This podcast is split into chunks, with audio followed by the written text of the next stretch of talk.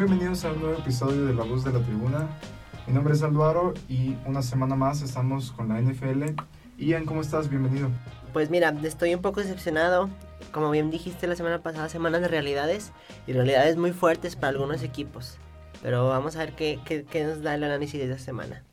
Semana 4 muy movida con algunos partidos interesantes y sobre todo el tema que está en boca de todos, el regreso de Tom Brady a Foxboro a jugar contra su ex equipo, los Patriotas de Nueva Inglaterra. Tema emocionante, sobre todo por la parte del récord que está a punto de romper. Pero bueno, ya lo desglosaremos y hablaremos más a detalle. ¿Cómo nos fue en los picks la semana pasada, Ian? 11 de 15, de 16, perdón, bastante bien, digo, dentro de lo que cabe bien. Unos picks este, ahí nos fallaron, dos al menos que a mí me sorprenden bastante, el de Pittsburgh y el de, el de Atlanta, yo no pensaba que Atlanta iba a ganar. Pero de ahí en más, creo que, creo que los picks, bueno, y el de, el de los Chargers, que yo, les dije, les dije muchachos, aguas con esos Chargers. Y me arrepiento, les pido disculpas por no ponerlos en mis picks. Pero sí, les dije que de corazón estaba con Los Ángeles Chargers. Te fue un poquito mejor a ti que a mí, yo me fui 10 de 16. Eh, fue semana de underdogs, algunas sorpresas, otras no tanto. Y en el acumulado, Ian, ¿cómo vamos? 32 de 48, bastante bien. Digo, en tres semanas, 32 victorias. Es aceptable en la NFL, siento que es la liga más difícil de pronosticar. Yo estoy un poquito abajo, me llevas ventaja de dos, pero vamos a ir agresivos estas próximas semanas para recuperar. Bien, eh, ¿te parece si hablamos del primer partido de la semana, Ian, que es Kansas City contra los Eagles de Filadelfia? ¿Qué esperar de este partido? ¿Cómo ves a los Chiefs después de dos derrotas consecutivas? Mira, veo unos Chiefs, como ya ven, te venía diciendo ya desde la semana pasada, con una defensa de agua literalmente. Mm, sin embargo, mira, este partido creo que es un match perfecto para, para ellos. Que es el partido, no, probablemente para recuperar la confianza. Sobre todo porque Filadelfia tiene, tiene lesiones importantes en, en la línea ofensiva y en la defensiva. Entonces, mm, me, y aparte, pues por menos talento de roster, me parece que Mahomes, si bien la segunda intercepción que, que, comete es, es de preocuparse, o sea, porque él tira el pase a zona de nadie, y la intercepción, pues es, ahí sí no, ahí sí yo no tengo cómo defender a, a, Mahomes en este caso. Sí van de visitantes, pero aún así creo que, creo que van a, creo que van a, es el match perfecto para, para poder poner un statement y decir, seguimos siendo los contendientes de la conferencia americana y queremos seguir siéndolo. En ese momento tú ves a Kansas como un equipo de Super Bowl. No, ni de chiste, eh, no. De hecho, ni, ni, al inicio de la temporada lo veía y en este momento todavía menos. La defensiva era una defensiva la temporada pasada oportunista. Sí. Y, y, esta, y, este, y este año ni siquiera eso han podido lograr. Porque creo que fuera de Chris Jones y también Matthew, veo el roster, Charles Ward, o sea, no veo nada que me, que me emocione, Frank Clark, no veo nada que me, que yo diga, wow, o sea, tenemos varios playmakers aquí, la verdad es que yo veo dos, y Tyler Matthew, como ya te lo venía comentando, no me encanta porque las coberturas creo que no las, no las realiza de la mejor manera. Creo que realmente el único elite en esa defensiva que llegarán a tener sería Chris Jones. Y, y, y, no ha estado haciendo, él solo no puede hacer todo, no puede cubrir pases, no puede, no puede frenar completamente la carrera. Entonces, eh, pero creo que Andy Reid es un head coach que justamente este partido para lograr las 100 victorias, de hecho, sí. con dos franquicias diferentes, contra su ex franquicia, justamente, eh, contra Filadelfia. Sí, es una semana de récords y para la historia es una semana muy interesante por esta parte de la estadística. Te quería preguntar sobre las posiciones. Actualmente Kansas City es último lugar en su división, en la división oeste. ¿Tú te lo esperabas que en algún momento de la temporada los Chiefs estuvieran al fondo en el sótano? No en el sótano, definitivamente no, pero sí, o sea, no, no siempre pensé que fueran a estar arriba. O sea, sí los ponía como campeones divisionales, pero sí sabía que no iba a tener una división fácil. Pero creo que la división está todavía más difícil de lo que pensé que iba a estar. A mí los Raiders me han, me han sorprendido para bien lo que han hecho. Broncos, si Broncos gana esta semana, yo todavía no les creo, pero si gana esta semana, creo que de verdad tienen un, o sea, me van a callar la boca a mí y, y, van a empezar a, a seguir con el 4-0, o sea, porque tiene un partido muy difícil. Y Kansas está, si, si, si sigue acumulando ese tipo de derrotas y contra su división, pues, ujule, o sea, te diría que nunca los había visto, pero si, si sigue así, o sea, como vamos, definitivamente no van a salir de ahí porque creo que es... En, en el balance, no tienen un balance entre ofensiva y defensiva, ese es el problema con Kansas City. La semana pasada también hablamos un poco sobre el que los equipos ya habían descifrado cómo jugarle a Mahomes y cómo jugarle a Andy Reid.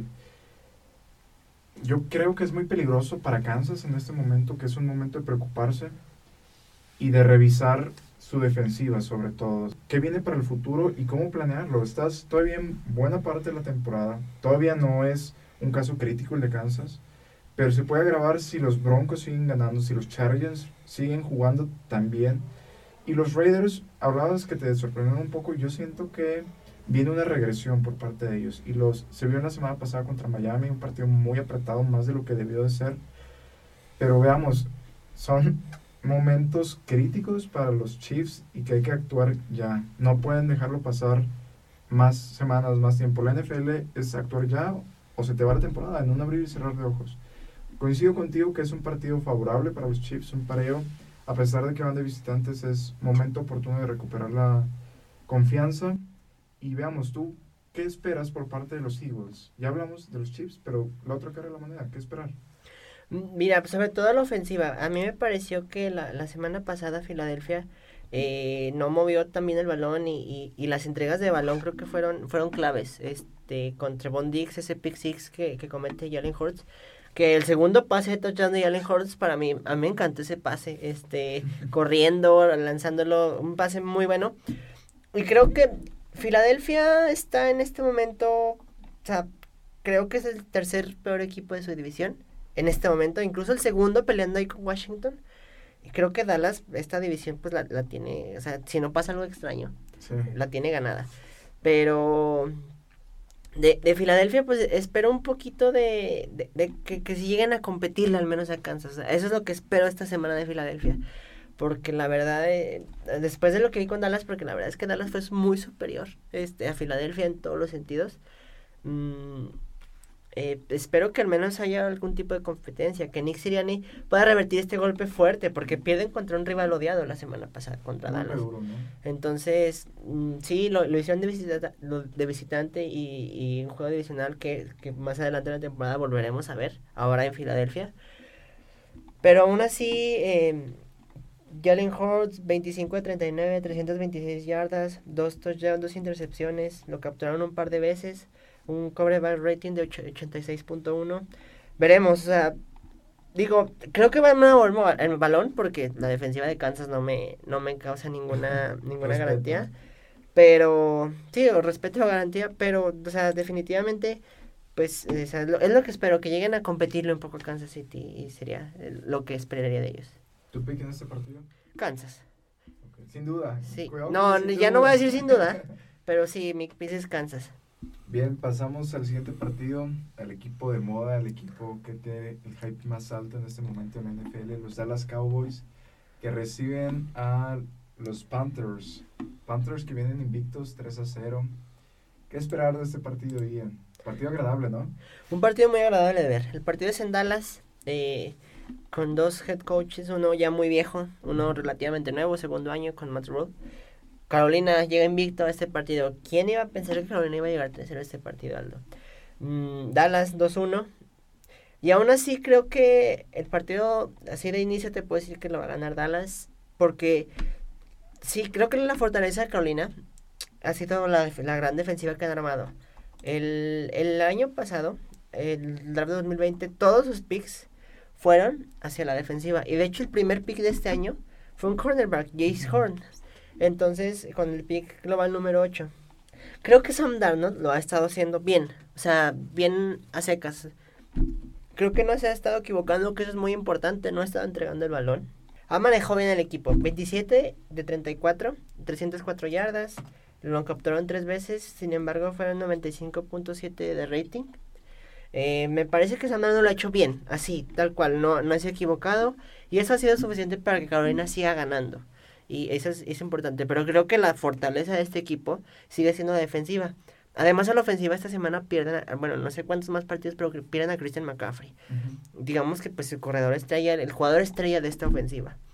Eh, del lado de Dallas, mm, me, me, está gustando lo que, lo que están haciendo sobre todo los coordinadores ofensivos ya lo saben, a mí Mike McCarthy no me encanta como head coach. Creo que toma todavía decisiones muy precipitadas, incluso equivocadas en ciertos momentos del partido que le pueden costar partidos.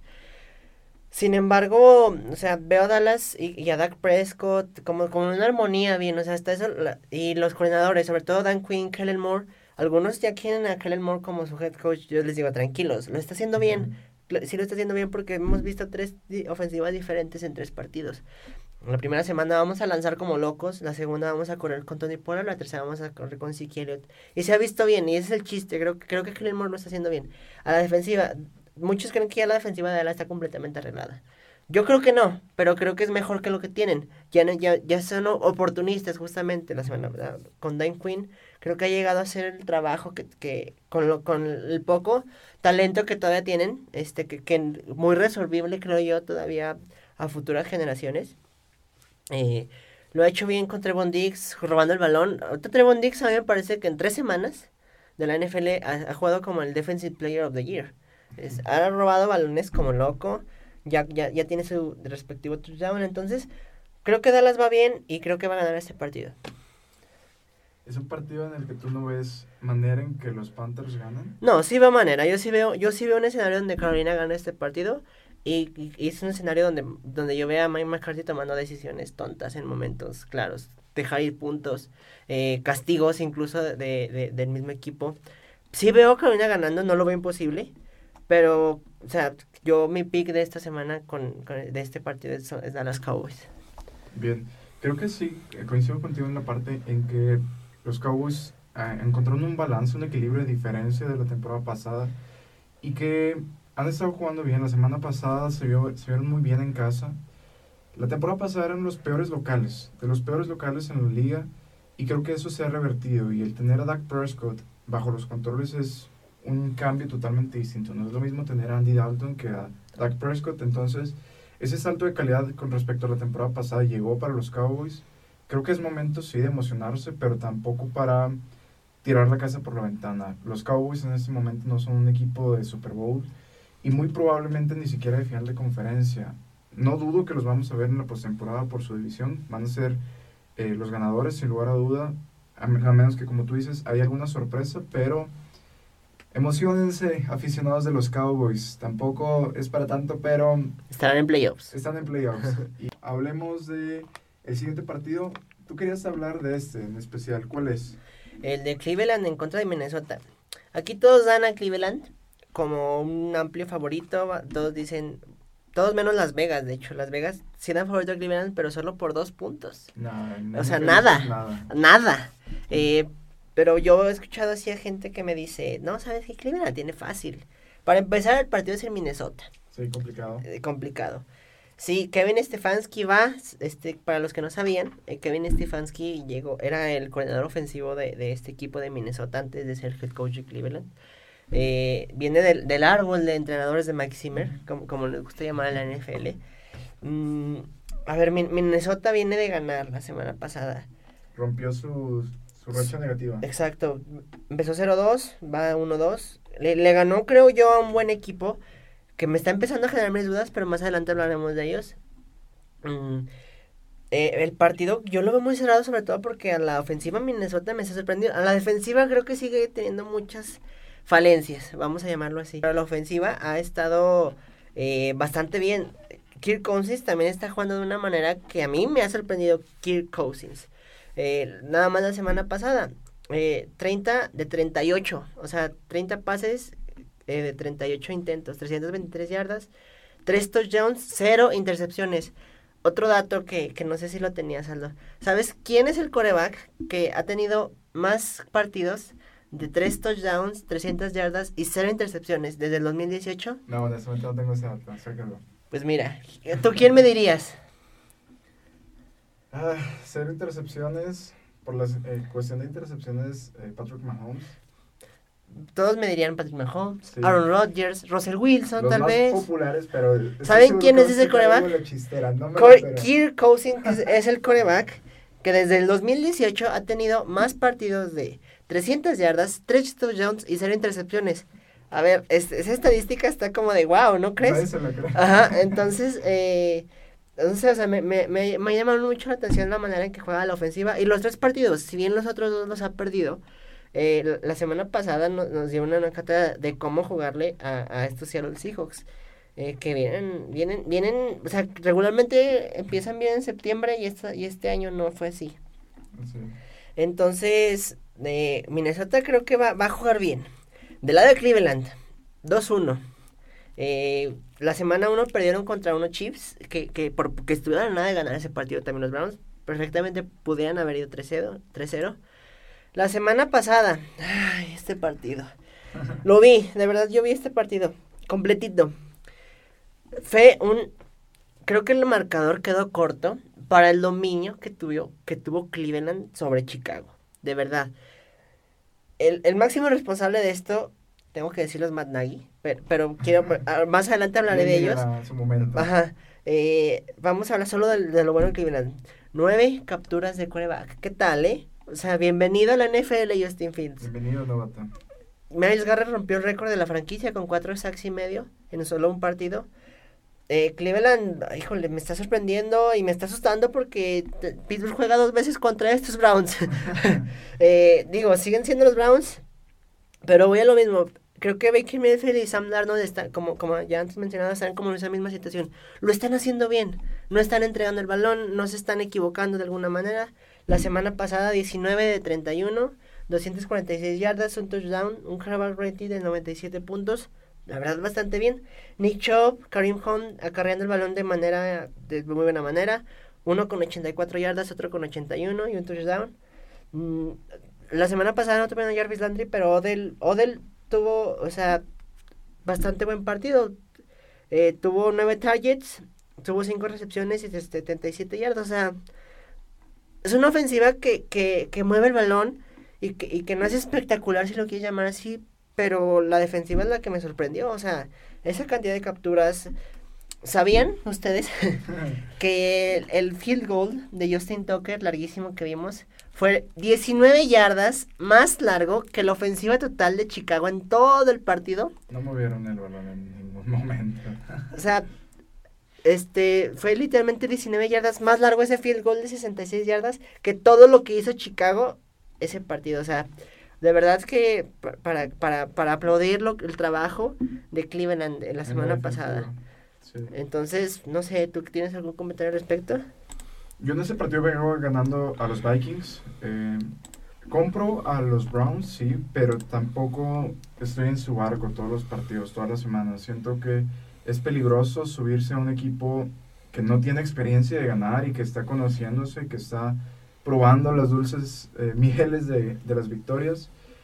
Eh, por ser el partido en Minnesota, yo honestamente tomo a los Vikings. Siento que la semana pasada se vieron bien contra los Seahawks. Siento que esta semana puede ser motivacional para ellos y decir, sabes que tenemos roster para competir, quizá no para llegar lejos, pero al menos para llegar a postemporada. Tenemos en la NFL pasa un fenómeno que no pasa en otros deportes. El tema orgullo, el tema jugarse el roster, el, el lugar en el roster para la próxima temporada. El contrato. Exacto, es algo único. En el fútbol puede pasar la apatía, no pasa nada, es una temporada muy larga. Pero en la NFL no, te juegas el contrato cada semana y los jugadores lo saben, los head coach lo saben. Entonces, no veo esta semana perdiendo a los Vikings, los tomo, los compro y va a ser un pareo y un partido muy interesante, muy agradable de ver, sobre todo por la cuestión de la ofensiva con los Browns. Siento que Mayfield y sus, todas las armas que tiene la ofensiva hacen que sean un equipo muy eh, agradable de ver. Entonces, ahora sí, Ian, pasamos al siguiente partido, el que tú querías hablar. un partido que en teoría parece ser monótono, que no llama mucho la atención, pero los Detroit Lions visitan a los tristes Bears. ¿Qué tienes que decir de esto? Saca todo lo que tengas. Ay, Dios mío, Dios mío, Dios mío. bueno, eh, no quiero ser más dramático, pero mi pregunta es por qué Matt Nagy sigue teniendo un trabajo como head coach en la NFL. Matt Nagy la semana pasada me demostró niveles de ineptitud Adam Gaze. A ese nivel de ineptitud eh, vi a Matt Nagy. Creo que Matt Nagy lo que quiso demostrar ese partido fue decir, ¿ya vieron que Justin Fields no está listo para jugar? ¿Ven que Andy Dalton es el coreback correcto? ¿O que Nick Foles es el coreback correcto? No conforme con eso, al siguiente día le preguntaron quién era su coreback titular. ¿Y qué fue lo que nos respondió? estoy pensando en poner a Nick Foles, a Justin Fields o, o Andy Dalton. A ver, Managui, ¿qué estás jugando? ¿Cómo, ¿Cómo vas a poner en tela de juicio poner a Justin, a, perdón, a Nick Foles a, jugar este domingo? Del lado de Detroit, creo que ha sido más competitivo de lo que, de lo que yo esperaba que fuera. Incluido con Dan Campbell ahí. Digo, no, no es que los compre, pero creo que ha sido mejor de lo que yo esperaba. Y de lo que muestra su récord. Exacto. Si, van 0-3, este, no, no, o sea, no creo que van a terminar mucho, mucho para, o sea, no creo que van a terminar con un récord ganador, ni de chiste. Yo los veo ganando, pero sí los veo ganando unos cuatro partidos a estos Lions. De, o sea, de los Bears, sea, qué bodrio, qué porquería vi, vi, de Chicago y de Matt Nagy, sobre todo, me, me preocupa. Porque eh, vuelvo a lo de Matt Nagy, me, me, me llama mucho la atención de cómo, cómo quiere, creo, creo que él no es que quiera perder, o sea, no, pero sí quería, quería, demostrarle a todo el mundo, desde mi punto de vista, que él tenía razón a la hora de no poner a Justin Fields desde el inicio. Y, y, y de verdad creo que él piensa que eso es lo correcto, o sea, que eso le hace bien al equipo. Y eso es lo que me preocupa. O sea, le pegaron nueve veces a Justin Fields, no le ayudó nada. Y, y, y a mí hasta me daba, o sea, yo veía a Managi y, y decía, yo, yo en mi mente ayuda a tu coreback novato, a tu coreback futuro. Subiste por él, diste un pick de primera ronda, diste el tuyo de este año y diste el próximo, o sea, me, me hipotecaste tu futuro. Y, me, y, o sea, y lo que quieres es probar que tienes razón, ¿en serio? O sea, yo por eso estoy así como que, o sea, estoy muy enojado con lo que vi de Matt Nagy, sobre todo. Eh, digo, el partido, yo traía, o sea, no me importa que hubieran perdido el partido, de hecho yo tenía Cleveland que ganaba. Pero aún así, la manera de perder es lo que me molesta, es lo que, es lo que, la manera tan poco competitiva y, y, tan, y tan relajado hasta cierto punto que llaman nadie, eso es lo que me, me, me enfurece de esto. Hablábamos al inicio del episodio sobre las preocupaciones que hay. La semana pasada era momento de realidades. Este momento es semana de preocupaciones, sobre todo para algunos equipos. ¿Qué tan preocupado debe estar los Chicago Bears, excluyendo a Matt Nagy? Porque sabemos que él no le importa tanto eh, en cuanto a preocupación, al menos eso es lo que él ha demostrado. Los Chicago Bears, como franquicia y como roster, ¿qué nivel de preocupación tienen ahora?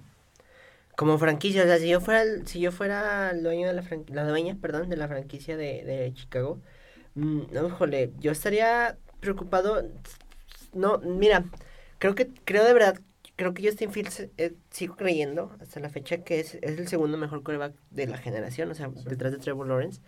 Mm, y aún así, eh, eh, creo que el futuro es bueno hasta cierto punto. creo que tiene cosas que sobre todo la defensiva sigue siendo sólida. Ah, mm, sólida, exacto. Creo que esa es la palabra. Pero mientras esté este, este tipo, Matt Nagy, o sea, bueno, me dijiste fuera de Matt o sea, yo estaría tranquilo, pero sí necesitaría, o sea, yo tendría que tomar una decisión, o sea, si, si llegan a perder contra Detroit, o sea, es para que casi casi a las dos horas digan, Matt Nagy no es nuestro entrenador en jefe. Estoy de acuerdo contigo. Para mí, Matt Nagy, al igual que contigo, no debería tener empleo en la NFL en este momento. La declaración que a mí me sorprende es que no se preparó para el partido, no, no elaboró un plan de juego, una estrategia para jugar con Justin Fields. Tuvo más de 100 días desde que lo reclutaron para saber cómo jugar con él. Y me preocupa mucho las capturas que sufrió. Tuvo una yarda, una yarda efectiva eh, por los sacks y por los intentos de pase. Una yarda. Tenías una estadística que me mandaste el domingo por la noche. ¿La tienes por ahí? Ah. De Drew Brees. sí, que, eh, bueno, ¿saben cuántos partidos tendría, con ese promedio de yardas, tendría que jugar Justin Fields para empatar a Drew Brees. Solo le faltarían nada más 80 mil 357 juegos para alcanzar este esta estadística. Casi nada. Nada. o sea, así así de así de porquería fue fue fue la ofensiva de Chicago la semana pasada en contra de Cleveland, la verdad. Momento de preocuparse para estos Bears y tienen que actuar ya y yo espero de todo corazón, no, no le deseo el mal a Matt Nagy, pero para bien de los Bears siento que ya es momento de dividir caminos. Oye, te quería decir, se habla mucho de Mitchell Trubisky que decepcionó como coreback, pero Mitchell Trubisky con Matt Nagy los metió a postemporada. ¿eh? Dos veces. Dos veces. a ver, el primer año Matt Nagy fue nombrado mejor head coach del año, 2018. Yo no sé qué, en qué momento pasó. Empezamos a ver esta versión de Matt Nagy tan Adam Gaze. sí, siento que se desinfló. Era un head coach con muchas expectativas y que todo el mundo lo veía con buenos ojos, pero de la noche a la mañana empieza a tomar decisiones que son cuestionables y que ya no, no tienen cabida en este equipo. Pero bien, ¿algo más que hablar sobre este partido?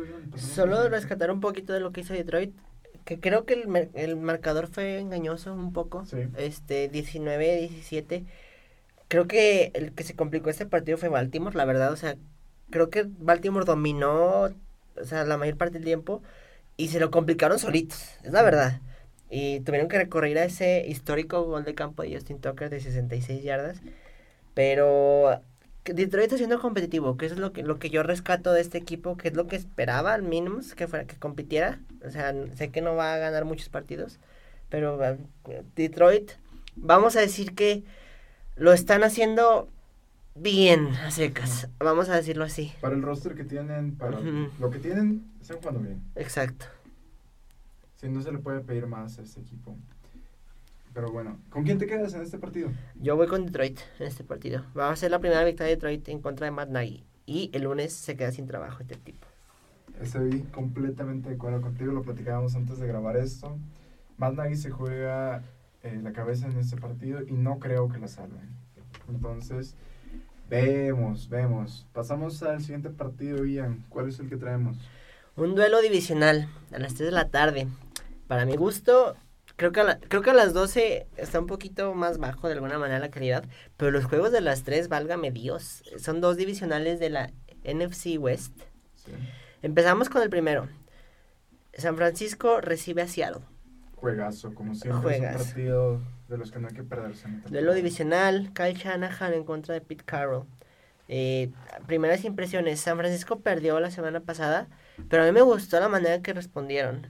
Se fueron 17-7 al medio tiempo la semana pasada, pero o sea, hubo un momento que estuvieron 17-0. Eh, y me encantó la manera de responder de, de este equipo. Eh, estuvieron a punto de ganar, de hecho. O sea, creo que el error fue haber anotado tan rápido. Que, que a ver, ya analizando más fríamente, tú no sabes si en la siguiente jugada vas a anotar. Pero dejarle 37 segundos a Aaron Rodgers en, en el reloj. Eh, y, y sobre todo lo que lo que no me lo que me preocupó un poco fue que en dos pases Aaron Rodgers les puso los, los puso en situación el balón de esa manera, en dos pases o sea los puso en, puso a los Packers en situación de gol de campo entonces eh, creo que es algo algún alguna un poco pequeño foco que hay que encender en, en el lado de San Francisco pero tampoco es para para aventar las alarmas ¿estás de acuerdo? Sí. Eh, me gusta lo que ves me está gustando lo que dice San Francisco lo, lo único que también, bueno, el otro pequeña, pequeño detalle que tengo con San Francisco es que, que creo que Kyle Shanahan, eh, a ver, si Jimmy G se equivocó en las intercepciones, creo que realmente el único, el, la, primer, la intercepción que lanzó en contra de Jay Alexander, es un, era un pase dividido, sí, lo lanzó a doble cobertura, es cierto, eh, si tú quieres decir no lo había lanzado, va, te la compro. Pero el fumble, el fumble sí fue el que sí dije, hijos, mano, no te ayudes, Garoppolo, estás en un, en un punto donde ya todo el mundo quiere tu cabeza. Quiere, quiere a Trey Lance y luego metes a Trey Lance a que, a que note por tierra. O sea, también Kyle Shanahan le da, le da para abajo a Jimmy y ¿estás de acuerdo? Sí. Es algo que, que, que sí digo, ay, o sea, vamos a seguir viendo el paquete Trey Lance, ¿estás de acuerdo con eso? O sea, semana tras semana. Pero, o sea, ahí Kyle Shanahan debería como de, creo yo, guardar un poco más a, a Trey Lance. Sobre todo ¿no? porque tu coreback titular sigue siendo Jimmy G. Y mientras lo sigas teniendo ahí, sabes que, que hay que apoyarlo. O sea, tu mejor oportunidad de ganar es Jimmy G. ¿Cuál es la necesidad de estar este poniendo en tela de juicio esa titularidad? Eso, eso por el lado de San Francisco. Por el lado de Seattle. A mí sí me sorprendió esta, esta derrota de Seattle la semana pasada. Eh, sobre todo porque la manera, o sea, la, ya sabíamos que la defensiva de, de Seattle no es, no es nada, nada, nada espectacular. Pero Russell Wilson lo ha estado viendo jugar um, regular. No te quiero decir mal, pero regular. Y regularmente a Russell Wilson lo, lo vemos en septiembre iniciando a nivel MVP. Y ahora esperemos que por el bien de Seattle sea al revés, ¿no? Empecemos que sea bajo y, y con, conforme vayan avanzando las semanas, vaya aumentando hasta ser MVP. O sea, pero, a ver, por, por pase, 23 de 32, 298 yardas, un touchdown, cero intercepciones, eh, el, el rating, muy buen rating, 111.2.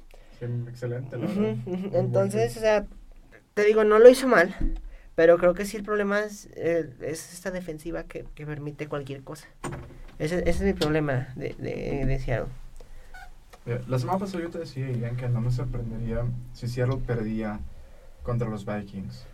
Y no me sorprendía por la cuestión de la defensa. lo que vimos contra los Titans, esa remontada me preocupó. Por los, por los Seahawks me preocupó. Y esta semana 3 los vuelven a remontar. Iban arriba en el marcador y les ganan el partido. Los sacan y no sé qué tanta preocupación tenga que haber en, en este equipo.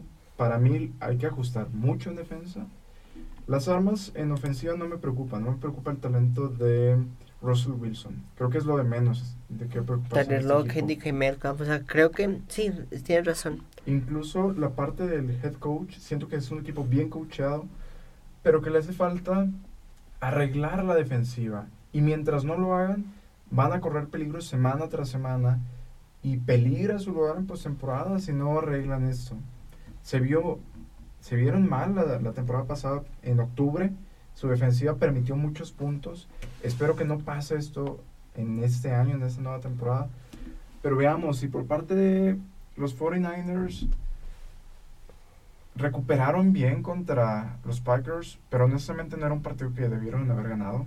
A pesar de que, como dices, dejaron suficiente tiempo para eh, Aaron Rodgers no tenían por qué haberlo ganado. Como el caso de, de Ravens, los Packers se complicaron un poco ese partido. Ellos solitos se pusieron el pie y estuvieron cerca de perderlo. Afortunadamente tienen al experto eh, contra reloj y le salió la jugada una vez más. Había una declaración, había una entrevista que me gustó mucho de Aaron Rodgers que dice, How can I be romantic about football?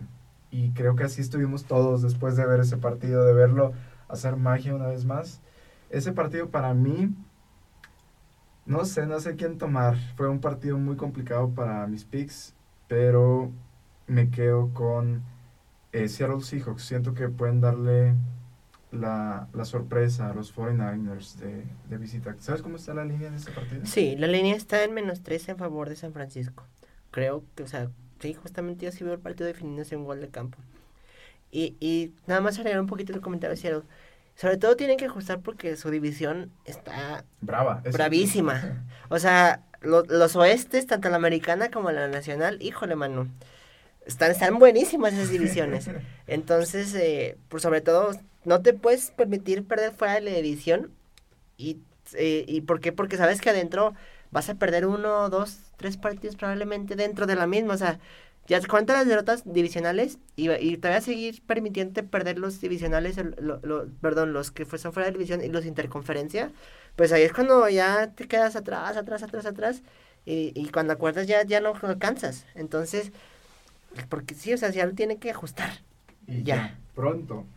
Bien, pasamos al siguiente partido, otro partido divisional, misma división casualmente. Eh, LA Rams recibe a los Cardinals. Duelo de invictos. ¿Quién se queda? ¿Quién pierde el invicto más bien? Oh, hay empate, Ian. No, empate no, por favor. Ah, la semana pasada, a mí hasta me llegaron críticas. ¿Por qué elegí a Los Ángeles Rams encima de Tampa? ¿Por qué se me ocurrió hacer eso? Bueno, ya vieron por qué. coincidimos. la fuerza era el punto. Exacto. Matthew Stafford está jugando espectacularmente bien. Así te lo digo. Eh, se le ve rejuvenecido, se le ve, dije, ya pasé 12 años en Detroit, llegué a Los Ángeles y, lo quiero romper. Creo que Matthew Stafford está probando por primera vez este, este concepto de, o sea, de verdad tengo una oportunidad de ganar un Super Bowl. O sea, llegué aquí a Los Ángeles y de verdad tengo una oportunidad. Y no solo la oportunidad, probablemente hasta la obligación a cierto punto por lo que pagaron por mí. Sí yo veo a Sean McVay, ¿viste cómo se el medio tiempo en contra de Tampa? Salió corriendo, gritando, celebrando. Parece que había ganado el Super Bowl. Ajá, exacto. Entonces, eh, a, a, mí me, gusta lo que va a Los Ángeles en general. Eh, la semana pasada nos demostraron que están para competirle a cualquiera. A cualquiera. nada más y nada más le ganaron al actual campeón de la NFL. Eh, a mí me gusta mucho lo que he visto de Los Ángeles, tanto como la ofensiva. Creo que han estado corriendo ah, relativamente bien. No, no, quiero decir bien porque han estado cambiando de corredor por lesiones cada semana. Pero Matthew Stafford, o sea, lo hace bien. O sea, ah, ese, este no es un game manager como muchos lo llaman. Este es de verdad un coreback que puedes recargar en el tu ofensiva. Eh, vámonos a los números. 27 de 38. 343 yardas. 4 touchdowns, 0 intercepciones bastante bien, ¿no? Ajá. Excelente. Ajá. el, el coreback rating 134 puntos. Eh, hay que recordar que el perfecto es 158.3. Tener 134 puntos de coreback rating, no puedes pedir más que, que eso. Entonces, o sea, lo, lo, están haciendo muy bien, sobre todo los receptores. ¿Alguien nos dio a Cooper Cup esta semana? ya, de, ya de Sean Jackson. Parece que estamos en el 2010 con Sean Jackson. Lo platicamos la semana pasada que lo traías en el Fantasy a Cooper Cup y qué bien te salió esta semana. No sé si lo volviste a poner. Claro. pero no, está jugando increíble. Me encanta cómo corre, sobre todo cómo, comer, cómo corre rutas este, este Cooper Cup. O sea, parece que como las tiene como dibujadísimas ya, sabe de todas, todas. Me encanta cómo está jugando Cooper Cup eh, en esta ofensiva.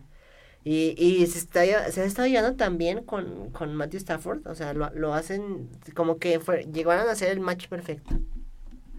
Ahora quiero hablar un poquito de Arizona. Eh, la semana pasada de Arizona estuvo. Estuvo.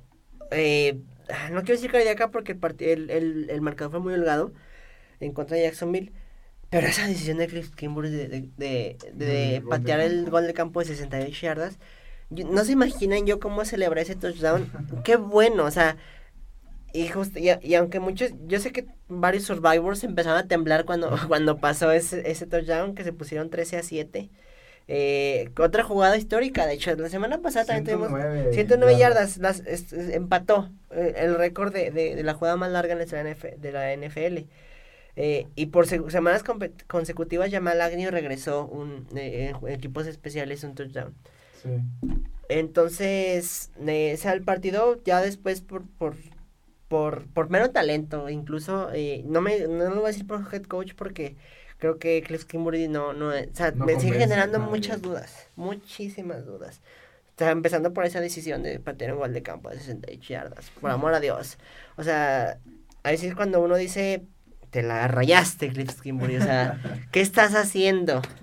Eh, que también la semana pasada, digo, no, no fue como que un sinodal tan complicado, vamos a decirlo así. Eh, pero vamos a ver qué tal, qué tal funciona. Eh, yo creo que aquí Arizona pierde el invicto esta semana. Estoy de acuerdo. Eh, hablando sobre Power Ranking, hablábamos hace dos semanas sobre esto. ¿Quién es tu número uno actualmente? El Rams coincido. Rams son en este momento el mejor equipo de la NFL. Y no creo que cambie. Siento que es un equipo que puede tener el mejor récord para la postemporada. Entonces, estoy de acuerdo contigo, hermano. Los Cardinals pierden esta semana el invicto. Y espero una regresión también por parte de los Cardinals. Siento que están en un momento muy alto y que no son un equipo que tiene el roster, ni siquiera el cocheo para estar ahí. Creo que más que roster es el cocheo. Eso, eso a mí no me convence. Y, y también espero un momento en el que regresen las cosas a la normalidad para Seattle y que para San Francisco también vayan como viento en popa, bueno, quizá no como viento en popa, pero mejor. Entonces, a los Cardinals en este momento sí son los segundos mejores en su división pero no creo que terminen así la temporada. Veo muy por encima a Seattle que a los Cardinals, pero veamos qué pasa. La NFL cambia semana con semana y nunca puedes decir nunca. Exacto. ¿Algo más que agregar de este partido, Ian? Nada más, véanlo. Creo que también va a ser un buen partido. Creo que va a estar menos cerrado del, del, de San Francisco contra Seattle, pero no deja de ser un buen partido, definitivamente. Además, Sean McVay va invicto en contra de estos Cardinals. Y Sean McVay que sigue incrementando su leyenda. Viste la estadística 40-0 cuando ganan. Bueno, en el medio tiempo. Sí, sí. O sea, mientras los Ángeles Rams se vayan medio tiempo ganando, saben que su pick está salvo. Así es. ¿Lo tomarías como Survivor esta semana? No, yo tengo como regla nunca tomar este juegos adicionales. Sí, es que los divisionales es la piel, se juega la piel. Bien, pasamos al siguiente partido. Eh, un partido interesante, sobre todo por estos Broncos que van invictos. Broncos reciben a los Baltimore Ravens. No hablamos sobre los Ravens la, semana pasada. Sufrieron, pero con historia ganaron el partido. ¿Qué hay que poner en la mesa sobre este juego, Ian? Mira, eh, eh, como bien dices, sufrieron, pero creo que también se metió en el pie solos. Eh, no, creo que no es para aprender a hacer armas. No creo que sea el mejor equipo de la conferencia americana. el mejor equipo de la conferencia americana en este momento, para mí, son los Buffalo Bills. por lo que ya he visto en tres semanas. ¿Ya no estás peleado con los Bills? No, soy honesto, creo que está, están regresando a lo que fueron, incluso mejorando la versión del año pasado, sobre todo porque lograron establecer un pass rush y un ataque terrestre. Eh, volviendo un poquito a este partido, eh, con Baltimore, eh, me preocupan justamente esos, errores. La Mike Jackson, esa intercepción, que si bien no les costó el partido, pero, o sea, se, se metieron en un broncón, la verdad. Es más, yo creo que también aquí varios survivors empezaron a, a temblar. Porque sí, o sea, el 19-17, sí creo que Baltimore sí fue superior durante todo el partido a Detroit, mm, pero se, se, metieron solos el pie. Mm, no, no me encanta lo que he visto de Baltimore, pero tampoco te tengo que... tampoco los tengo abajo, pues no, no los tengo tan mal. Creo que van a ser en playoffs. Del lado de Denver, ya vieron los rivales con los, con los, con los que les ha ganado. Sí, es la NFL, ganarle a cualquier rival Está, es, es, complicado. es complicado, sí, es por ese lado no, no, no voy a criticar ese lado, pero a ver, vamos a analizarlo seriamente. ¿Cuáles son nuestros rivales a los que le ha ganado Denver? Los vamos a pasar los Jets, que fue un excelente pick de Survival. Ajá, 26-0, sin sudar, sin sudar, perdón. Las, anteriormente Jacksonville, que si quieres en algún punto estuvo estuvo cerrado, pero ya después se le despegaron. Y la semana uno en contra de los, de los Giants, que cada semana me demuestran que Joe Josh también está en, la, en el hot seat de, de, de head coaches. Los tres equipos a los que han enfrentado a Denver van 0-3. Eh, que bueno, eso no es culpa de Denver, tampoco no vamos a decir, es que Denver se acomodó, no, la, o sea, Denver no tiene culpa de que a NFL le haya acomodado ese calendario. Ahora vienen de calle contra un rival que es muy superior a los otros tres. Es más, yo creo que si juntas a los tres head coaches que a los que ha enfrentado Big Fangio, no hacen ni la mitad del head coach que es John Harbaugh. Eh, yo creo que este partido eh, nos, va nos va a decir mucho realmente de lo que es Denver. Eh, yo no estoy nada arriba de este barco de los Denver Broncos, pero si ganan este partido, me, sí me van a cerrar bastante la boca. porque sí, sí, o sea, si se ponen 4-0 mm, eh, en esta división, porque también es una división muy difícil, la, la, hemos estado viendo, es una división difícil. Y, y la verdad es que sí me van a cerrar la boca estos Denver Broncos. Por el momento yo todavía tengo muchas reservas de este equipo. Mm, eh, a la ofensiva me está jugando como está jugando Teddy Bridgewater, perdón. Eh, creo que Drew Locke cada vez estamos viendo que nada más va a ser un coreback suplente en esta liga. Y muchos esperaban que fuera el próximo coreback franquicia de estos Broncos y ya pues... Eh, y además creo que también Big Fan yo esta temporada se juega, o sea, el, completa la temporada se juega su, su cabeza. O sea, creo que ya mucha gente espera más de, porque es, ya es su tercer año de head coach en este equipo. Y los dos anteriores no han sido para nada favorables para, para ellos. Eh, y sí, o sea, espero, o sea, creo que, mira, Las Vegas dan favorito a Baltimore por un punto, o sea, nada. Es nada, es, prácticamente pick. es, entonces, mm, yo creo que Baltimore gana ese partido, no creo que vayan a palear, pero yo iría con Baltimore. Yo siento que los Broncos tienen algo importante que, que hacer en este partido. Si lo ganan, se separan de los Chips a dos juegos, suponiendo que los Chips ganen. Y da la posibilidad de que puedan sacarle un partido ya sea a los Chargers, a los Raiders o a los Chiefs. Y separándose de esa manera, es muy complicado que los emparejen. Sí, viene un, un calendario bravo para los Broncos. Esta semana contra los Ravens, después Steelers, Raiders y Browns. Cuatro partidos complicados. Pero como tú dices, ellos no tienen la culpa de que las primeras tres semanas les pusieron rivales de chocolate. Entonces, Siento que esta es la oportunidad para los Broncos esta o la próxima, que son los dos rivales más a modo, son, considero papeles menos complicados que los Raiders y que los Browns. Entonces, esta parte de la motivación me interesa. Yo veo ganando los Ravens, pero te soy sincero, por un gol de campo otra vez. Los Raiders no me convencen como la temporada pasada, aunque tuvieron altibajos, eh, supieron lidiar con ellos, pero esta temporada me, me, cuesta un poco y sobre todo por esa línea defensiva. Las bajas que ha tenido en la línea defensiva me preocupan. Entonces, todo el mundo dice, eh, el callback de los Broncos no sabe perder, los Broncos no saben perder. Veamos qué tal les va esta semana. Bien, ¿Algo más que agregar de ese partido, bien? Nada más creo que va a ser un partido cerrado, como bien dices, y, y pues vamos a ver qué, qué sale del mismo. Bien, pasamos un partido que te va a hacer enojar. Ay, Dios mío. Te va a hacer triste. Tus Steelers visitan a nada más y nada menos que Aaron Rodgers y a los Green Bay Packers. Uf, mira, eh, la semana pasada lo hablábamos, eh, viéndoles ya semana de realidades. Mm, a mí me parece, yo no lo había, no, a lo mejor me cegué a cierto punto, no lo quería ver por, por ser un fanático de los Steelers, pero... Pusiste la camisa. Ajá, me puse la playera. O sea, yo no esperaba que llegaran a hacer cagada Cincinnati. pero tampoco esperaba, este, o sea, pensé que iban a ganar, es más, no sé si lo dije dentro del aire o fuera del aire a Pepe. Creo que van a ganar pronto ya los Steelers, o sea, no creo que vayan a ir a palearlos. La verdad es que creo que el que, creo que los terminamos a palear fuimos los propios Pittsburgh Steelers.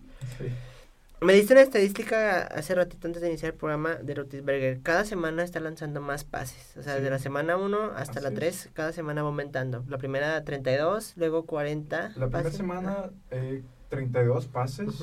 Normal en Rotisberger, esa estadística. La segunda semana se va a 40 pases. Y la tercera semana ya es de preocuparse, 58 pases. ¿Y por qué? Porque el ataque terrestre no sirve. O sea, y, y ¿saben cuál es el problema? Yo, el problema no es Najee Harris. O sea, yo creo que Najee Harris es el único que está jugando en esa ofensiva. De verdad. yo no creo que el problema sea Najee Harris. Yo, el problema es esa línea ofensiva que no, no abre huecos. Y en segunda, no está protegiendo a Rotisberger. Nada. No. Y, y Rotisberger toda la vida vivió de alargar la jugada y luego lanzar el pase. Ya a sus 39 años de edad ya no puedes hacer eso.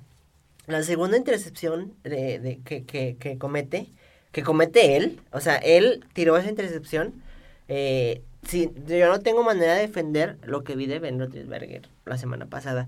A mí me pareció triste ver a un coreback, la verdad es que por talento el mejor en la historia de Pittsburgh, o sea, por encima de Terry Bradshaw, eh, sobre todo, eh, muchos más, sí, sí, pero Terry, Terry Bradshaw tiene cuatro Super Bowls, sí.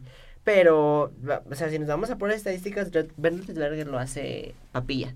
Y por mero talento, la verdad es que también, o sea, es un coreback histórico que no se supo retirar. Creo, creo que ese es el, ese es, esa es la, la manera de decirlo. Sí, me van a decir, pero es que Tom Brady tiene 44 años y sigue jugando, pero Tom Brady no es normal, chavos. O sea, eh, no, no, podemos este, seguir esperanzados eh, a vivir, de pensar que todos pueden llegar a los 44 años de edad a ese nivel. O sea, Tom Brady es el GOAT, a, a, quien no le guste, discúlpeme, y se los dice un, se los dice un aficionado que yo les voy a siguiendo a los Steelers y soy de los Steelers, eh, y, y, me da tristeza ver a Tisberger jugar así, porque de verdad yo, yo estoy viendo ya un coreback me van a decir, Ian tuvo 318 yardas. Sí, sí ¿en cuántos pases? Cin 58. 58 pases. O sea, eso me, me preocupa mucho. O sea, ya no puedes, este, Pittsburgh tiene viviendo desde el 2013, me parece, desde el brazo, termina, empieza y termina con el brazo de Ben Roethlisberger, Pittsburgh. Entonces, ay, me preocupa mucho, sobre todo, también esta defensa que todos creíamos que era una garantía, que sin TJ Watt no. no presionan nada. Se rompió una racha de 75 partidos consecutivos con al menos una, una captura de coreback. Contra la línea ofensiva de Cincinnati. A ver, eh, o sea, ya vimos que sin, sí, se jugó con Hayward, pero yo vi, o sea, vi que el partido le hacían la, triple cobertura a Cam Hayward, el, triple bloqueo, y nadie más presionaba a, a, Joe Burrow. Entonces a mí sí me, o sea, me preocupa mucho lo que estoy viendo para esta temporada de Pittsburgh. Y no solo para esta temporada, me preocupa después de ver quién está. Está Rudolph y luego está Dwayne Haskins. Digo, oh Dios mío, ¿qué futuro nos depara a nosotros como los Pittsburgh Steelers? Exacto. ¿Qué tan preocupado estás tú como aficionado a los Steelers? ¿Y qué tan preocupado crees que deben de estar los mismos Steelers de cara a su futuro? Con un quarterback titular de 39 años, con un brazo muy cansado, con un quarterback que no es móvil, nunca se ha caracterizado por ser móvil y que como dices, lanzó más de 300 yardas, pero sí, ¿cuántos puntos hizo la ofensiva? 10 puntos. ¿De qué te sirve tener más de 300 yardas? ¿Qué te sirve tener 600 yardas por pase si haces 10 puntos? Exacto. ¿Qué tan preocupado estás y qué tan preocupado deben de estar ellos? Yo personalmente estoy muy preocupado. Yo, o sea, de verdad. Eh, por la manera en que he visto jugar el equipo. Eh, y, y Pittsburgh debería estarlo todavía más. Eh, creo que creo que el problema viene de ya desde desde Art Rooney. El, el hecho de que de esta filosofía de vamos a dejar que los jugadores decidan cuándo retirarse los entrenadores. Creo que Mike Tomlin eh, debió haber terminado su ciclo en, en el 2018 este justamente eh, perdón en el 2017 cuando perdió esos juegos consecutivos en contra o sea, en temporada regular contra Jacksonville y en, y en juego divisional también contra Jacksonville. Esas dos derrotas fueron dolorosísimas eh, ya Tomlin desde ahí, este, o sea, creo que es un head coach que no es malo, pero también ya creo que ya, llegó al tope, ajá, ya llegó al tope que puede, y, y, estoy seguro que si llega a salir de Pittsburgh, eh, va a encontrar un trabajo inmediatamente como head coach en cualquier otra franquicia. Eh, es más, yo creo que de 20 franquicias, o sea, 20 de las 32 franquicias tomarían a Mike Tomlin en este momento como head coach. Pero, pero el problema es que ya llega un tope y, y, ya estoy viendo unos Steelers ya monótonos, ya, ya, ya cansados, ya todo, ajá. La ofensiva de Pittsburgh se, se, se divide en tres jugadas. Corre, correr por el centro con Najee Harris para 1.2 yardas. El pasecito corto con Tiente Johnson, con James Washington o con Yuyu. Y el Ave María cuando van perdiendo por dos posesiones a Chase Claypool o, o James Washington. O sea, esas son las tres jugadas que hace Pittsburgh durante todo el partido. Ya todo el estadio ve qué, jugada, va a lanzar Otisberger. O sea, y justamente, y creo que, creo que el principal responsable no es Matt Canada. Muchos eh, apuntan a Matt Canada. Yo creo que Matt Canada está lanzando las jugadas que, que, que de Randy Fitchner del año pasado. Porque todos sabemos que Randy Fitchner era muy amigo de Rotisberger. Rotisberger no quiere evolucionar, ya, ya no le interesa evolucionar a, a o sea, ya, ya también lo entiendo, ya tiene pues, temporada número 18. Y, y sí, o sea, a mí, a mí sí me, me causa... Sí, me, me duele ver, ver a un quarterback porque ya la verdad es que ya creo que ya lo están arrastrando. Ya, ya es un lastre ver para, este equipo, para este equipo. ¿Tú crees que ya debería retirarse al final de esta temporada? Sí, sí, sí. o sea, Sí, y, y creo que Pittsburgh va a batallar para encontrar, digo, un Frank franquicia no lo encuentras a la vuelta de la esquina. ¿Se vienen próximos años eh, tristes, amargos para los Steelers o no? No, no te quiero decir tristes y amargos porque Pittsburgh nunca se ha caracterizado, o sea, no tristes, o sea, no te estoy hablando de terminar temporadas de 5, 5 12 o cosas por el estilo. Pero sí te estoy hablando de, de, de, años difíciles, donde sí no vamos a estar, al menos, a lo mejor en playoffs algunos años, sí, pero no en comer Y, y te lo digo porque Orgullo Steeler, que este, está viendo también eh, que eh, el 60% desde la era Super Bowl, de, las veces, los Pittsburgh Steelers es el que más han estado en playoffs. O sea, se caracterizan por ser competitivos. O sea, incluso este mismo equipo que estamos viendo hoy va a ser competitivo, va a ser un equipo que va a ser a cierto punto difícil de ganarle. Pero de eso a que yo vea que este que aspiren, que aspiren a algo, ese es el problema. Bien, a mí me parece que no tienen nada que ver los Steelers de la temporada pasada, que eran un espejismo, era algo más casual, una coincidencia más que realmente algo efectivo.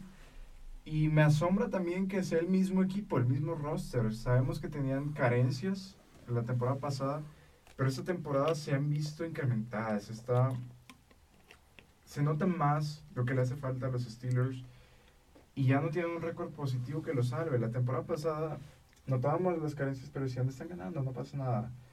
9-0, 10-0, no pasa nada. Pero el momento de realidad llega y a estos Steelers les llegó en la temporada pasada. Momento de realidad que no han sabido cambiar ni enderezar su rumbo. Este partido me voy con los Green Bay Packers. Antes de grabar esto me decías que ¿No crees que sea por muchos puntos? Coincido. Los Packers no van a arrastrar a los Steelers, pero no sé, bueno, incluso hay algo. No me sorprendería que los Steelers ganaran por el factor motivacional por parte del coacheo. Es lo que tienen. Este equipo pierde los partidos más fáciles y los más complicados saca el temple, saca esas ganas de ganar, de ganar, esas ganas de ser competitivo y de no dejarse mirar por el rival. Entonces, lo veo un partido de 3, 4 puntos a favor de los Packers, sobre todo porque es en el Lambo Field. Y un partido importante para los dos. Si los Steelers pierden, se van 1-3. Si los Packers ganan, se van 3-1. Entonces, seguimos con este momento de realidades. ¿Tú con quién te quedas en este partido? También creo que va a ganar Green Bay. Eh, pero también quisiera hablar un poquito de Green Bay porque, pues sí, nomás, nomás nos aventamos a hablar de, de puro... de tu equipo. De puro mi equipo. También los Packers tienen su reconocimiento. La semana uno ya todos echamos a la basura. Ese 38-13 contra New Orleans. Ya Aaron Rodgers ya no nos quiere. Este, eh, y, y, y ¿qué, no, ¿qué hizo Aaron Rodgers las siguientes semanas? Ganar. Fácil. Lo tal cual, lo que sabe hacer. Eh, y ha estado jugando bien. No te crees espectacular como MVP porque ni los números ni... ni pero en el tape me parece que sí ha estado jugando muy bien. Eh, pero a lo mejor los números no, no, no reflejan. Digo, 23 de 33, 261 yardas, 2 touchdowns. Dices, bueno, o sea, fuera del cover rating de 113.3, muy bueno. Eh, o sea, pero en general yo veo a Aaron Rodgers incluso feliz, sonriendo, terminando los partidos, dando entrevistas. O sea, se le ve, se le ve bien, ya lo hablábamos anteriormente en el partido contra San Francisco, eh, cómo lo sacan, eh, creo que hiciste buen análisis al decir que, que se metieron los pies, el pie solito. Eh, sí, sí, también creo, o sea, se complicó el partido, un partido que tenían ya para manejarlo nada más con el 17-0 y que en un momento lo estuvieron, estuvieron abajo, incluso del mismo. Eh, pero aún así, o sea, creo que Green Bay eh, por lo que veo que no va a ser una paliza es porque también la defensiva de Green Bay no es...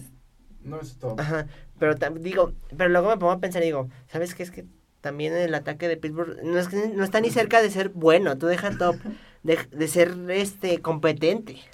Y Dejar de ser predecible. Ajá. Entonces, o sea, sí creo que va a ganar eh, Pittsburgh y, y digo, para Pittsburgh, no va a ganar Green Bay. Este pero, pero, o sea, no creo que vaya, o sea, no creo que vuelva a repetirse esa, ese dominio que hemos encontrado en Cincinnati, aunque Green Bay es un mejor equipo que Cincinnati sin, sin duda alguna. Bien, entonces los picks continúan. Ah, pasamos al partido estelar, el partido del Morbo. ¿Cuál es, Ian, ese partido que todo el mundo está esperando? El regreso de la leyenda a la casa que lo vio nacer regreso de Tom Brady a New England. Ahora con, la nueva novia en contra, en contra del, ex.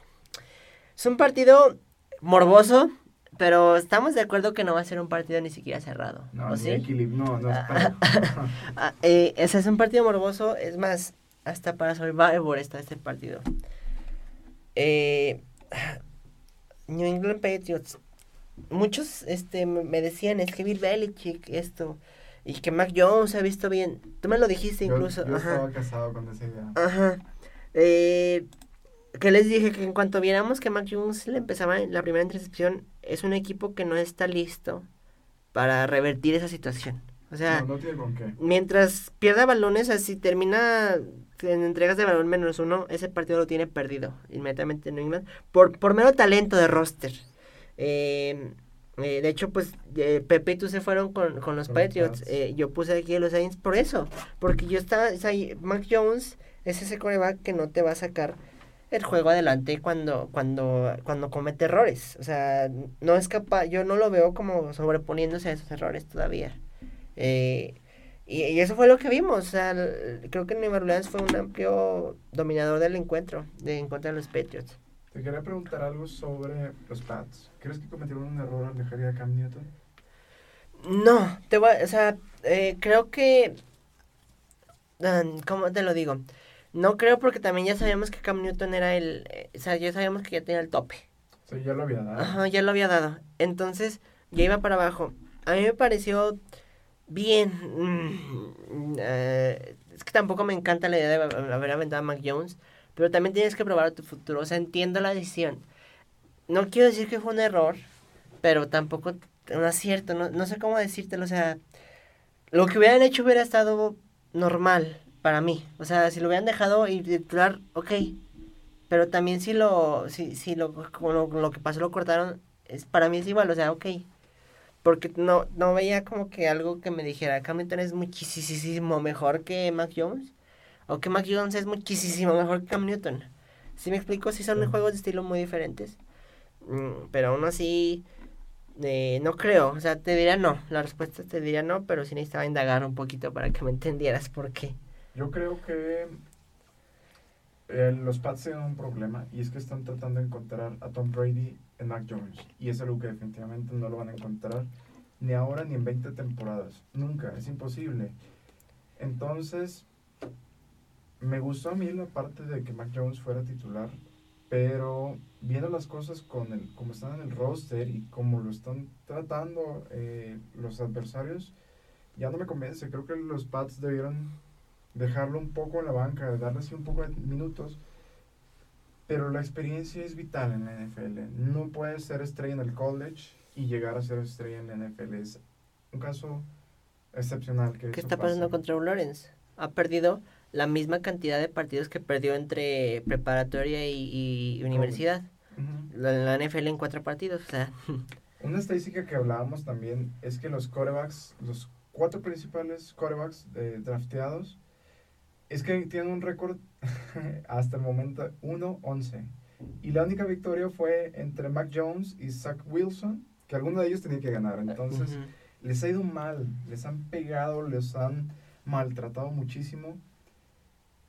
Y se esperaba mucho de los cuatro. Siento que el que mejor se ha visto, pues es Trevor Lawrence, pero en lo individual, no en lo colectivo. Entonces, no sé qué, qué más podamos añadir a este partido. Es un partido, sí, de morbo, que Tom Brady está a punto de romper el récord histórico de yardas por aire. Y que lo va a romper. O sea, además vienen, vienen de perder el Tampa Bay contra los ah, Rams. ¿Quién quiere jugar en contra de Tom Brady cuando viene de perder?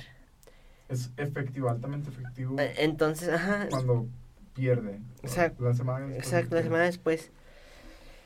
Por donde lo veas es un partido, o sea, a lo mejor lo único que, estaría parejo, incluso si quieres decirlo así, encima New England es, es el head coach, eh, pero de ahí en más, yo no veo, yo no, yo veo aquí una ventaja incluso de 14 puntos de, de, Tampa Bay sobre, sobre New England, o sea... La línea me parece que es en 7, ¿no? En 7, o sea, yo creo que Tampa la cubre, pero creo que te, creo, yo personalmente que te están regalando esta línea. Eh, sí dicen, pero es un touchdown y... Y Bill Belichick conoció 20 años a Tom Brady, sí, pero, no, tienes con, cómo ejecutar, exacto, o sea, no tienes, si tú puedes tener en la mente todo, pero no tienes quien ejecute esas jugadas, eso es a lo que me refiero. Y sí, o sea, la verdad es que creo que Tom Brady, y, y, y, y lo van, y creo que Tom Brady viene con esas ganas de, de ganarle a, a, Inglaterra, sí. Destrozar a los Pats. Esas 68 yardas no me sorprendería que las completen en el primer cuarto, siendo O en un pase, que probablemente en el primer pase que lance, de la yarda 25 ya sea touchdown y ya se acabó el... Se acabó el partido, no, se acabó el partido, pero, se acabó el récord. Entonces, veremos historia este fin de semana. Semana histórica y que sin duda no se lo pueden perder. Ah, ¿Algo más que agregar de este partido? Sí, nada más decir, este, con ese comentario, agregarle un poquito ese comentario que dices que vienen de, es que también, entiendo a los patriotas, la, su gran mayoría, digo, yo sé que hay unos que incluso que, van a decir, yo soy fanático desde Bledsoe, pero vienen de 20 años de una dinastía, que esa fue, fue la dinastía de los Patriots. Es, eh, tienen que entender fanáticos de los Patriots que eso, lo que, lo que hizo Bill Belichick y Tom Brady, es algo que nunca antes se hizo antes y es muy probable que nunca antes vuelva a pasar. Es de una vez en la vida. Ajá. Entonces, vienen tiempos difíciles para ustedes, Petro. O sea, vienen de 20 años de ganar consecutivamente y ser competitivos y si quieres llamarlo así el mejor de la liga durante, durante 20 años. Y, y, y, y tiene, en algún momento tiene que acabarse. ¿Están de acuerdo? Eh, eh, de los, si eres un aficionado de los Pats, eh, vienen temporadas complicadas para ustedes, o sea, probablemente no vuelvan a playoffs. Digo, me estoy adelantando mucho, pero es probable que en cinco años no vuelvan a pararse en playoffs. Pero es normal, o sea, vienen de 20 años exitosos, ganaron 6 Super Bowls. Y está bien. Ahí está eh, bien, exacto. Es, la parte emocional de la NFL, que es lo que tiene, que no, no puedes ganar siempre. Es prácticamente imposible ser bicampeón en la NFL, entonces es, es lo que se disfruta para los aficionados, el ver a nuevos equipos coronarse y claro, conocer nuevas historias de éxito. Tom Brady, caso excepcional, lo mismo que los Pats, Bill Belichick, pero es tiempo de nuevas caras, nuevos equipos y se está viendo con los Rams, con los Chargers, con los mismos Chiefs, que mucha gente se subió al barco en las últimas temporadas. Equipos que vienen frescos y que son equipos que van a dar mucho de qué hablar en las próximas temporadas. Entonces te quedas con Tampa. Sí, aquí sí, Lo para Survivor. para Survivor. Sí. Pasamos al último partido del lunes por la noche, prime time, partido para chuparse los dedos. Los Chargers visitan a los Vegas Raiders. ¿Qué esperar de ese partido, Ian? Eh, es un partidazo divisional. Eh, yo, como bien saben, vengo montándome al, al, al caballito de los Chargers desde la semana 1 de la NFL. Sí, sí, sí. Eh, qué bien está jugando, qué bien están jugando estos Chargers. Y no lo digo solo por la semana pasada, o sea, las tres semanas me han gustado. Si bien perdieron contra Dallas en la semana 2 por castigos, fueron más de 100 yardas de castigos. Eh, justamente eso quería hablar. Creo que un detalle de los Chargers que, tiene que resolver Brandon Staley es esos castigos. Este, le anularon un touchdown a, a, a los Chargers en contra de los Chiefs por castigo. Entonces, y, y, y, les saco- y, y ojalá, o sea, de verdad les deseo que, que arreglen eso porque les puede costar partidos muy importantes. Este, por ejemplo. sí. Eh, es un partido de statement. Van de visita, van a Las Vegas en contra de los Raiders. Mm, es un partidazo. Vienen, los Raiders vienen invictos, también vienen. Pero los Raiders vimos la semana pasada, yo creo que un poquito de regresión. Bien lo dijiste al inicio, creo que ese- yo creo que los Raiders vimos un poquito de regresión. No quiere decir que vayamos a ver que sea un bodrio de, de No. equipo tampoco. O sea, no, no, nada que ver. Pero yo sí veo, en este momento así, con tres semanas jugadas, creo de verdad que el mejor equipo de la división son los Ángeles Chargers. De, de, de, de lo, que, de lo que he podido evaluar de, de, los tres. Mm, además, John Gruden también no me sigue, se me sigue sin encantar. O sea, sabes que so- soy, si me quieren llamar anti Gruden, háganlo, está bien. Eh, y, y creo que Brandon Staley llegó a decir, ok, pues estamos, aquí, somos los Chargers, vamos a competir. Tengo a mi coreback eh, futuro, presente y futuro de, franquicia, que también lo está haciendo bien. La semana pasada, o sea, cuatro touchdowns, 281 yardas por, por pase, coreback rating de 125. ¿Qué le puedes pedir a un, a coreback de segundo año? O sea, ¿qué, ¿qué más le puedes pedir? Te está haciendo ganar, o sea, estamos viendo que le puedes recargar a él la ofensiva sin ningún problema. Y tiene complementos muy buenos a- a- al, al ataque terrestre también con Austin Eckler. Eh, entonces, pues a mí, a y a la defensiva vimos cómo le interceptaron a Mahomes dos veces. En septiembre. Eh, entonces, eh, no sé, yo estoy emocionadísimo con lo que son los Los Ángeles Chargers esta temporada. Y del lado de los Vegas Raiders contra Miami, eh, meritazo haber regresado del 14-0 con el que empezaron, Sí. sin duda alguna. Derek Carr creo que sigue jugando bien, o sea, bien o, o muy bien, vamos a decirlo muy bien.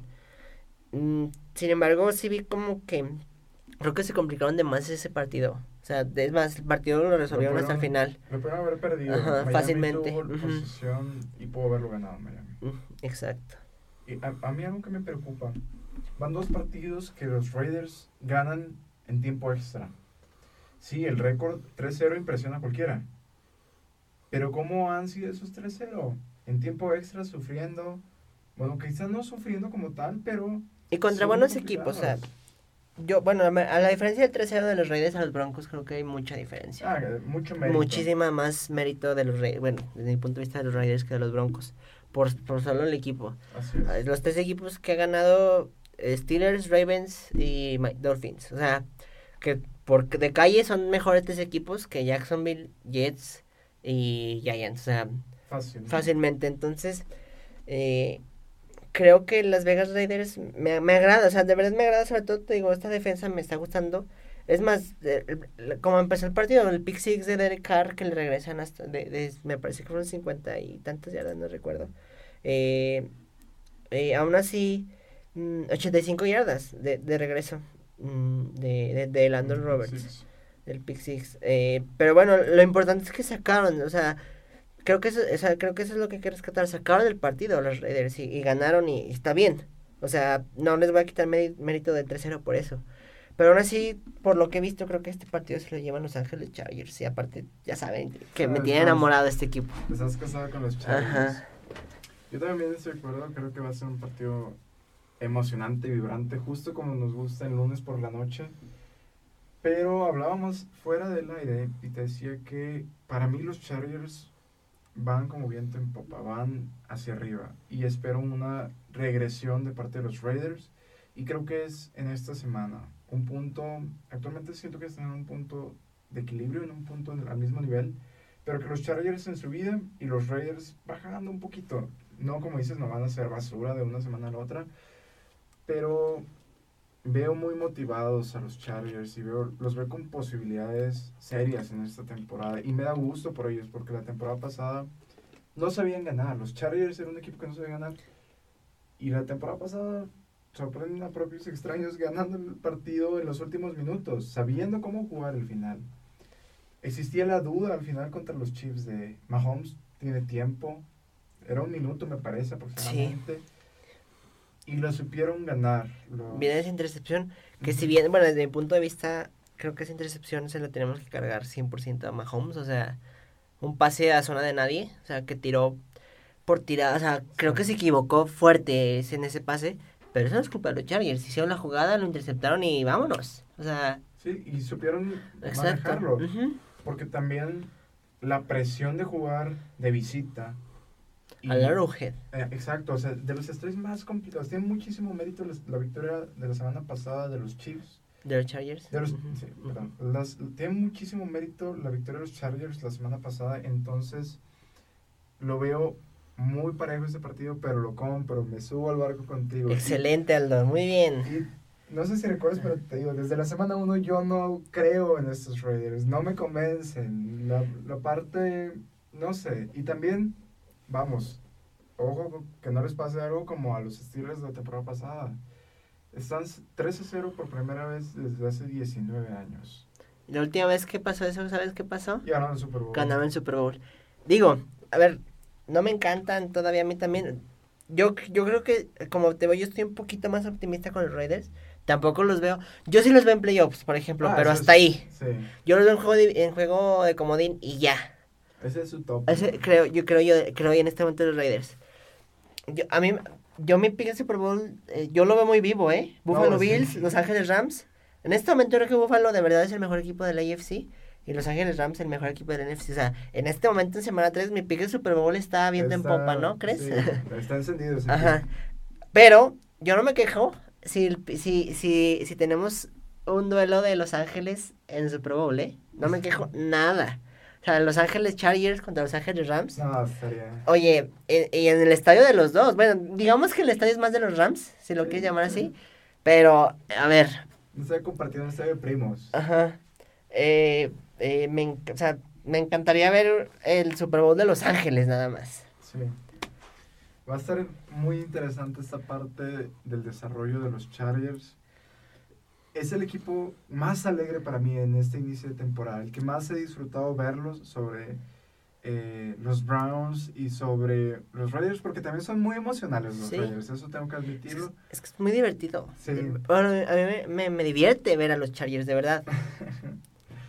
Eh, Ver a los Chargers y a los Raiders que tienen la posibilidad de perder y luego lo ganan y luego que siguen, ¿no? Pero bueno, es un partido que no se pueden perder lunes por la noche, prime time. Me quedo con los Chargers, coincido contigo. ¿Te parece si pasamos a los picks para Perfecto. terminar con este episodio? Bien, eh, pasamos con el primer partido, Ian Titans contra los Jets. Titans, incluso para Survivor. Creo que puede haber sorpresa aquí. eh. ¿De verdad? ¿Vas a poner Jets? No voy a poner los Jets, pero Ok. tomaría la línea.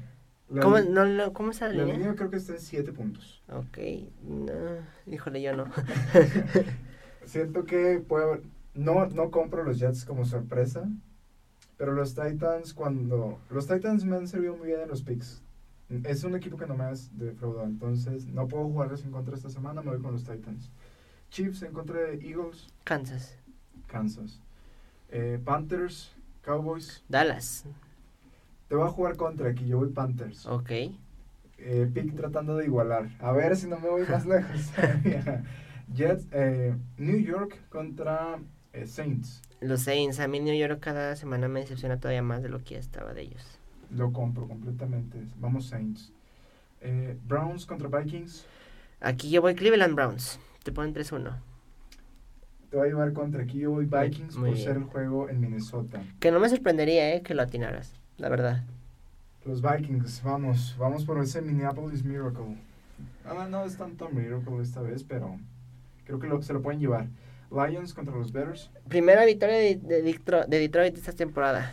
Coincido, esta semana se queda sin empleo ah, El primer head coach. el primer head coach de la, de la NFL. Y que es muy probable que no sea el único, ¿eh? Eh, así como vamos, hay varios que, que estoy viendo ahí.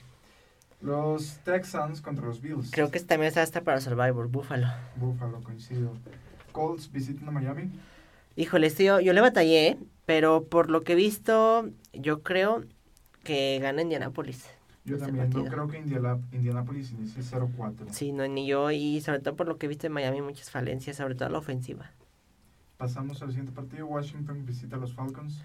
Híjole, aquí, aquí le batallé y, y, y me fui aquí con el underdog. Voy a Atlanta en este partido. Yo no compro Atlanta, voy con Washington. Tercer pick, Contreras, tercer pick de diferencia. Seattle, San Francisco. Seattle contra San Francisco, me quedo con los Niners. ¿En serio? ¿Sí? Por ser en su casa. Sí, y no solo por eso, creo que en roster en general son el mejor equipo, o sea, defensiva, defensivamente. Yo compro a Pete Carroll Muy bien, y a Russell Wilson. Esta semana vamos agresivos. perfecto, perfecto. A Cardinals contra los Rams. Rams. Rams, igual. Eh, Baltimore, Broncos. Aquí yo me quedo con los Baltimore Ravens. Vamos, Ravens, iguales. Steelers, Packers. Green Bay, Green Bay va a ganar este partido, creo yo. Qué triste, ¿no? Sí. En contra de tu equipo. Vamos, Packers. El duelo del Moro. eh, los Pats reciben a los Bucks. Te lo dije, este está también para Survivor, Tampa Bay. Vamos, Tampa. El siguiente, el último partido, Primetime, Raiders, Chargers. Chargers, Partido divisional, me quedo con los Chargers. Vamos de visita. Esta semana puede ser o de emparejarnos o de irnos muy distantes. o me, o me sacas tu ventaja o te saco mucha ventaja si es que... Exacto, me puedo ir por seis abajo. Entonces, esperamos que no sea así. Sin más, Ian, te agradezco una vez más. Continuamos con esta eh, análisis semana a semana de la NFL. Y les invitamos a que nos escriban, que nos pasen sus pics. Y les agradecemos como siempre eh, por escuchar este episodio de La Voz de la Tribuna. Ian, ¿cuáles son tus redes? Recuérdanos. Eh, en Facebook me, encuentran como Ian Trejo, en Instagram como Trejo Ian y en Twitter como Ian Trejo 4. Bien, mi nombre es Alvaro. Me encuentran en todas mis redes como arroba Aldora13. Sin más, nos escuchamos en el próximo episodio. Y recuerden, nos vemos en la cancha.